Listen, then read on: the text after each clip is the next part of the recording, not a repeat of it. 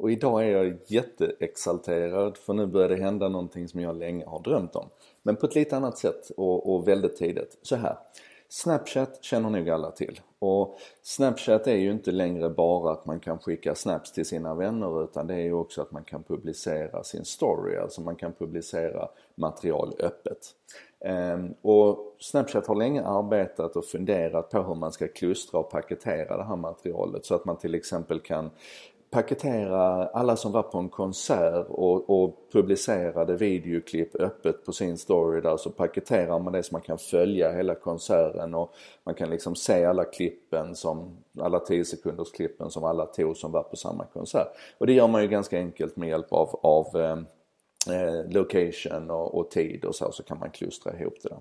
Det man har gjort nu för första gången eh, från Snaps sida det är att man har eh, eh låtit bakgrund, alltså musiken ifrån konserten bilda en timeline. Så att du kan alltså hoppa mellan olika eh, kameror eh, utan att det blir avbrott i musiken. Så detta var på Lords konsert, så där står Lord och spelar på scenen. Och här ute har du publiken med tusentals kameror.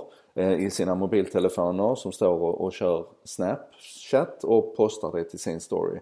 Och då kan alltså musiken rulla i bakgrunden medan du skiftar mellan de olika kamerorna. Så att du kan, du kan se en hel låt med Lord ifrån 10 000 olika vinklar om du vill bara genom att klicka på en ikon och hoppa från den ena kameran till den andra. Och det här är så, alltså det här att använda ljud för att synka bild eller synka aktiviteter. Det har alla som har spelat Antikrundans app konstaterat att det funkar för den ligger ju och lyssnar på ljudet i TVn så att du kan svara på frågorna vid rätt tid oavsett om du ser det när det sänds live eller när det sänds efter, i efterhand och så. Och mätsystem för att kolla vad folk tittar på TV, så personal people's meter för att ranka TV-program, hur stor publik de har haft och sånt. Har länge använt liksom ljud för att lyssna på vad folk tittar på på TV och så. så att ljud som en, en synkroniseringsfunktion är inget nytt. Och som jag sa, det är inte heller nytt att man försöker klustra ihop. Men när man nu gör det här till en, till en sömnlös upplevelse där du kan lyssna på musiken och samtidigt byta vinkel. Då börjar jag tänka på det som jag länge har drömt om. Och tänk dig nu en, en fotbollsmatch eller en, en, en, ett Formel 1-lopp så här. Du har 25-50 professionella kameror som bevakar det loppet ifrån ett antal olika vinklar. Men det är ändå ett, ett antal, ett, ett finit antal vinklar liksom som du kan se från varje kamera. Tänk istället att om alla som satt på läktaren, vi har väl så 10 000 pers på en fotbollsmatch som sitter med en mobiltelefon. Tänk om de hade suttit och filmat samtidigt som de tittade.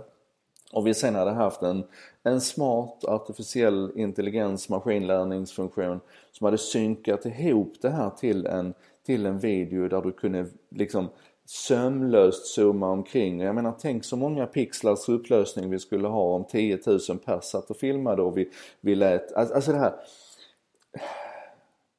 Och det som är spännande med det här det är ju vad det i förlängningen sen då gör med saker som upphovsrätt eller sporträttigheter. Ni vet man säljer ju rättigheterna till stora sportevenemang för hur mycket pengar som helst.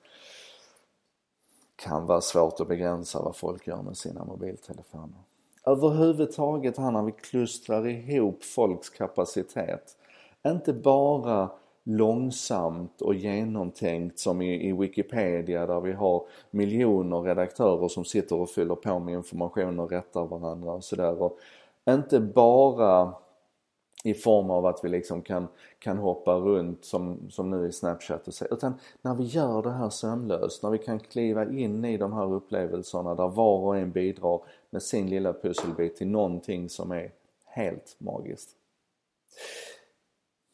Fundera på det idag. Fundera på vad, vad du ser runt omkring dig där massan skulle kunna bidra till någonting som blir alldeles, alldeles fantastiskt.